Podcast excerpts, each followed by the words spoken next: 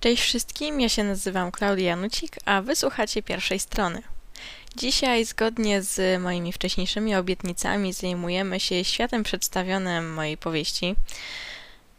Trochę będę się tutaj wspomagać mm, planem tworzenia świata przedstawionego, e, który przedstawiła nam Katarzyna Bonda w jej poradniku moje posiłkowanie się właśnie tym poradnikiem polega tylko na tym, że po prostu będę zaglądała e, do spisu treści, patrzyła w jaki sposób właśnie Bonda to uporządkowała, od czego zacząć, przez co przejść, na czym skończyć.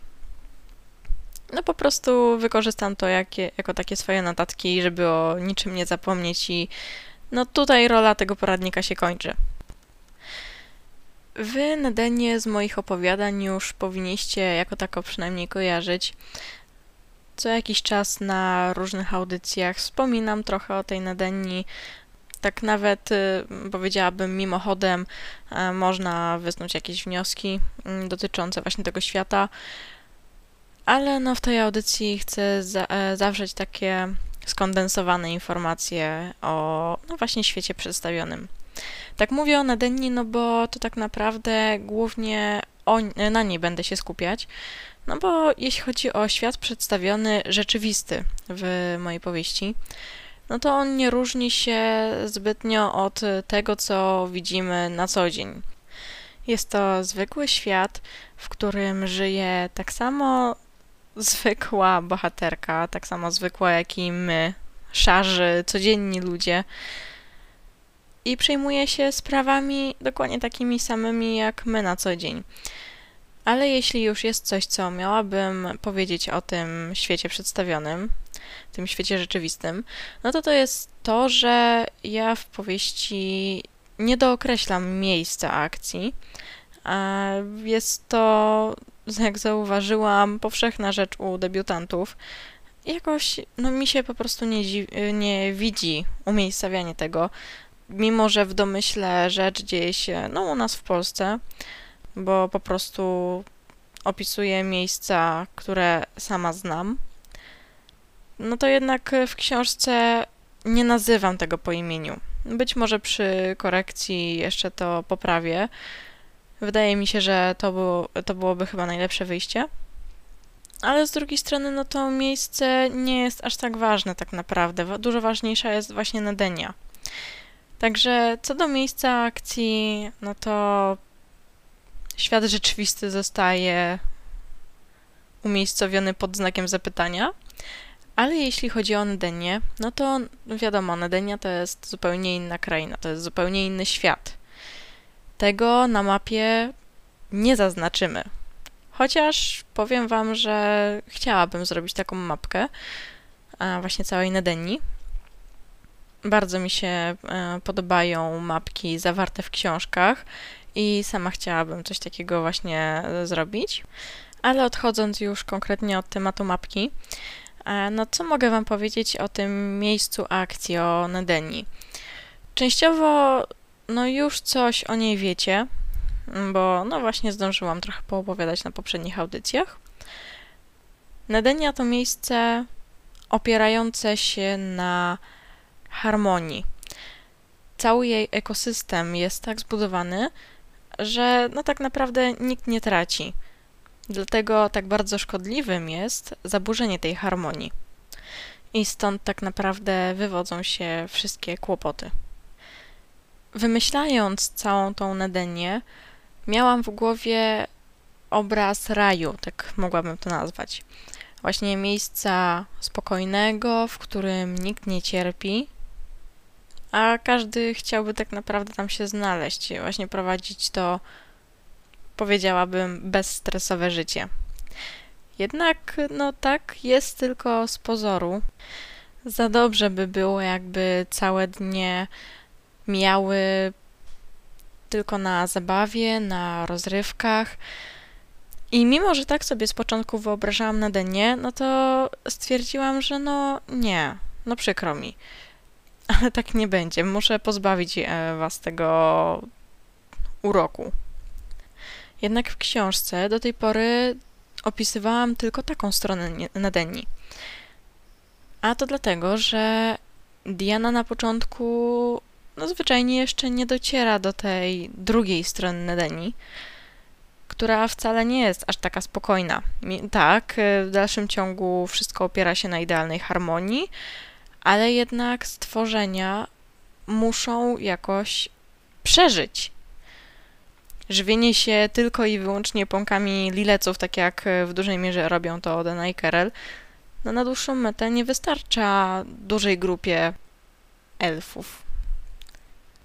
Także no, to jest ta strona taka bardziej, powiedziałabym, rzeczywista, znana nam wszystkim. Nie będę Wam zdradzała wszystkich sekretów, bo chcę, żeby jednak czytelnik mógł się w dalszym ciągu zaskoczyć tym działaniem samej Nadenni.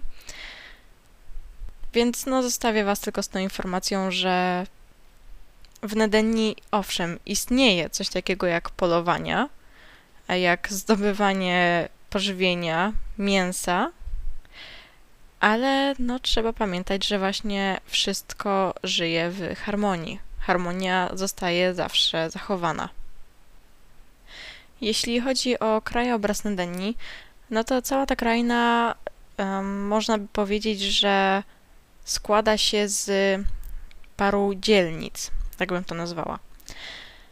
Jest dzielnica, która no, w całości pokryta jest y, białym puchem, takim trochę podobnym do śniegu. Jest dzielnica, w której rośliny o zmroku zaczynają błyszczeć, wydają z siebie piękne, malownicze kolory rozświetlające otoczenie. Jest też dzielnica łysych szczytów, skalnych szczytów. Osobną dzielnicą bym też nazwała ogromne, no tak w tłumaczeniu na nasze powiedziałabym jezioro. Ogromny zbiornik wodny, który również y, żyje swoim życiem. Obchodzę to wszystko trochę naokoło, bo no nie chcę zdradzać jak już powiedziałam, wszystkich szczegółów, ale no mam nadzieję, że takie tłumaczenie też przypada Wam do gustu. Jest owiane taką nutką tajemnicy. Ale jednak mam wrażenie, że no mimo, że nie mówię o wszystkim wprost, to moje opisy są na tyle wyraziste, że właśnie zachowują trochę tej tajemniczości i jednocześnie zrozumienia i zaciekawienia. Przechodząc teraz trochę do kwestii pogody, warunków atmosferycznych, muszę Wam powiedzieć, że no sama zastanawiając się nad scenariuszem tej audycji, zaczęłam myśleć, jaka pogoda występuje w Nadeni. Najczęściej jest to pogoda bardzo ciepła, słoneczna, miła, ale mimo wszystko występuje tam też coś takiego jak deszcz czy wiatr. Ale natomiast zdałam sobie sprawę, że nie zawarłam nigdzie śniegu. Mimo, że w słowniczku zapisałam sobie tłumaczenie na no właśnie takie słowo jak y, śnieg, jak zimno, to jednak nigdzie, w, nawet w planach właśnie tej mojej książki śnieg nie występuje. Nawet wysoko w górach, e, właśnie w tych łysych szczytach, ten śnieg nie wystąpi, bo no tak jak e, powinniście pamiętać, Feniksy żyją w górach, które emanują na wiele setek metrów żywym ogniem. Ale w sumie stąd można wysnuć teorię, że no właśnie dlatego tam nie ma tego śniegu. Mimo, że wysoko w szczytach temperatura zazwyczaj jest dużo niższa, no to jednak przez to, że Feniksy tam znalazły tam swoją kryjówkę, ta temperatura automatycznie się podwyższa i nie ma jak spaść tam śnieg. To jest pomysł, słuchajcie. Wcale nie wpadłam na to właśnie przed chwilą. No i sami widzicie, ile takie audycje mi dają. No, na bieżąco, jak w momencie, jak do was mówię, przychodzą do głowy nowe, kolejne pomysły. Można by więc w sumie uznać, że razem ze mną tworzycie tę książkę. Dużą częścią Nedeni, częścią, która tworzy tę krainę, są dźwięki. Dźwięki są słyszalne tak naprawdę w każdym jej zakątku. Czy to nie w lesie, czy właśnie w górach, czy nad wodą, wszędzie usłyszymy piękne, melodyjne dźwięki. W lesie będą to malutkie, cichutkie dźwięki instrumentów, e, na których grają wróżki, w, schowane w pniach drzew. Nad wodą będzie to cudowny szum fal wywoływany przez kelpi, przez nimfy wodne, pluski, ciche śmiechy właśnie tych nimf. W górach będzie to śpiew Feniksa i gwizd wiatru wydobywającego się spod jego skrzydeł oraz trzaskanie płomienia, który znowu ulatuje ze skrzydeł i ogona Feniksa. Także widzicie sami, gdzie nie pójdziemy, wszędzie w Nadanii spotkamy się z pięknymi, delikatnymi, głośniejszymi albo cichszymi dźwiękami, melodyjn melodyjnymi dźwiękami przede wszystkim stworzeń żyjących w tej krainie. A w takim razie, kiedy cała kraina osaczona jest tymi dźwiękami, należy się zaniepokoić, kiedy te dźwięki właśnie nagle ucichną. I tą drobną wskazówkę zostawiam właśnie Wam w tej chwili. Wykorzystajcie ją mądrze i potraktujcie może jako, takiego easter egga w mojej przyszłej książce. Jak być może pamiętacie, jeśli słuchacie audycji uważnie, to powinniście pamiętać. Katarzyna Bonda w swoim poradniku z, y, część rozdziału zajęła symboliką. I tą symbolikę również wykorzystałam w większej czy mniejszej mierze również ja. Takim przykładem, z e, którym mogę się z Wami w tym momencie podzielić, są driady. Driady są stworzeniami niezwykle związanymi z kultem Matki Natury, e, związanymi z swoim domem w lesie, z drzewami, ogólnie z całą naturą, którą za, y, strzegą za cenę nawet własnego życia. Ja w momencie pisania książki trochę poigrałam z tą ich naturą, z tym symbolem właśnie matki natury. I w pewnym momencie trochę odwróciłam ich rolę. I ta informacja o odwróceniu roli musi Wam w tym momencie wystarczyć, bo no znowu niestety nie mogę za dużo zdradzić. Jak widzicie, strasznie ciężko mówi się o czymś, co dopiero powstaje i nie można za dużo zdradzić. Trzeba się bardzo trzymać w ryzach i trzymać język za zębami, co w moim przypadku momentami jest dosyć trudne. I tak Wam momentami mówię dużo więcej niż powinnam, ale no liczę po trochu też na to, że może nie do końca niektórzy wszystko zapamiętają, Albo wiecie, to wszystko zachowa się gdzieś z tyłu głowy i podczas czytania będziecie mieli takie hmm, ja to skądś kojarzę. Czy to może nie będzie tak? Nie, chyba mi się jednak wydaje. Po czym nagle bum, a no faktycznie jednak tak.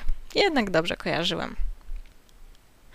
A co do samej symboliki jeszcze, no ja zawarłam parę tych symboli, e, jednak no są one, mam wrażenie, takie dosyć subtelne, które no łatwo jest je przeoczyć, ale wydaje mi się, że to ma swój taki wrodzony smaczek. Że no, może to jest właśnie jedna z takich rzeczy, która wychodzi dopiero przy czytaniu książki po raz drugi, trzeci czy pięćdziesiąty. Ale co jest lepsze, to powiem Wam, że ja sama te symbole znajduję czasami dużo później. Właśnie jak sama dla przypomnienia y, czytam sobie kolejne, y, kolejne uprzednie rozdziały. I dopiero wtedy wychodzi, że hmm, ale to jest nawiązanie do tego, ale to w sumie symbolizuje coś tam. Także w dużej mierze te symbole też wychodzą mi całkowicie przypadkowo, ale no znowu wydaje mi się, że to ma taki swój swoisty urok.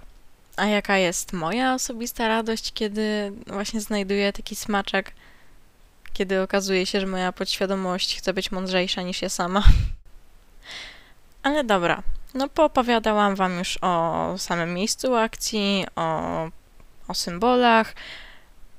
Zapowiedziałam wam również całą prognozę pogody na czas pobytu Diany w Nedeni, ale nie powiedziałam Wam tak naprawdę nic o czasie akcji, który jest y, jedną z najbardziej podstawowych i najważniejszych rzeczy przy kreacji świata przedstawionego. Jeśli chodzi o czas, no to czas e, naszego świata rzeczywistego jest no, rzeczywisty. Są to czasy obecne i nie ma tu co za wiele gadać. Jedyne co mogę powiedzieć, że no ja jednak trzymam się czystej fikcji mimo wszystko i oddzielam ten świat od naszej szarej rzeczywistości. Pomijam takie kwestie jak pandemia, e, jak e, wojna na Ukrainie. Nie wydaje mi się, żeby to było jakkolwiek potrzebne. Znaczy, no nie wydaje mi się, to w ogóle nie jest potrzebne zawieranie takich rzeczy w książce. Tym bardziej, że no, książka dla mnie ma być oderwaniem od rzeczywistości, czymś, co uspokoi trochę naszy, naszą głowę, co zajmie nasze myśli, więc po co mam pchać do niej problemy naszej obecnej rzeczywistości? Jeszcze tym bardziej, jak to jest książka fantazy, skupiająca się na fantastyce, czyli czegoś, co absolutnie nie powinno mieć żadnego związku z realem. Jeśli natomiast mówimy o czasie akcji w Nedeni, no to mogę powiedzieć, że jest to czas w sumie pokrywający się z czasem rzeczywistym w książce, w tym czasie ze świata rzeczywistego. Ale w sumie, jakbym chciała tak e, umiejscowić to jakoś na osi czasu epokowej, to w sumie bardziej trzymałabym się czasów starożytnych, kiedy no, nie było jakichś e, wynalazków. O elektronice to już w ogóle można było zapomnieć, w ogóle nikt o takich rzeczach nie myślał. Ale jednak te nauki się rozwijały. I w sumie mogę nawet wysnuć takie porównanie Kerela do jakichś filozofów. Może nie jest, Karel może nie jest postacią, która siedzi i duma nad y, rozterkami filozoficznymi, ale jednak w jakiś sposób przypomina, mu, y, przypomina mi taką postać. Ludność Niedeni skupia się na właśnie wyznawaniu tego kultu matki natury i tak samo jak e, no, na przykład w starożytnej Grecji ludzie czcili wielu bogów, składali im ofiary, tak w Nedeni istoty żyjące tam czczą może nie tyle Andewana, albo inaczej, nie tyle co czczą Andewana, ale mają do niego taki potężny respekt ogromny szacunek, bo to jednak on jest tą postacią, która dba tak naprawdę o dobro całej krainy, która no po prostu sprawia, że ta kraina funkcjonuje. Nie traktują go może jako Boga, bo też e, sam, samym Bogiem Andevan nie jest. Nie można, by go, e, nie można by też go nazwać jakimś przywódcą, bo no, on absolutnie nie miesza się w żadne sprawy E, czy to scysje, czy problemy, no w nic, nie miesza się w nic związanego z, z czy to kontaktami między wszystkimi stworzeniami. On ma tylko jedno swoje zadanie i tylko i wyłącznie tym się zajmuje, tylko to go interesuje. Także podsumowując, tak, zawarłabym okres rozwoju, tak bym powiedziała, Nedeni na tych czasach około starożytnych. Czyli to są w sumie te czasy, które jeśli chodzi o mnie, no fantazy, to są możliwie najlepszymi czasami dla właśnie umieszczenia akcji tego gatunku. No słuchajcie moi drodzy, no tym akcentem doszliśmy do końca audycji. Ja Wam bardzo dziękuję za wysłuchanie mojego przedługiego monologu. Mam oczywiście nadzieję, że bardzo dobrze się bawiliście przy słuchaniu tej audycji, równie dobrze jak ja się bawiłam przy mówieniu do Was. Zapraszam Was na Spotify'a Radia Pałac, na którym macie dostępne wszystkie audycje, które wyszły do tej pory. Nie tylko moje, ale i moich kolegów i koleżanek z radia, także też zapraszam. No a w tym momencie dziękuję raz jeszcze i do usłyszenia za tydzień. Cześć!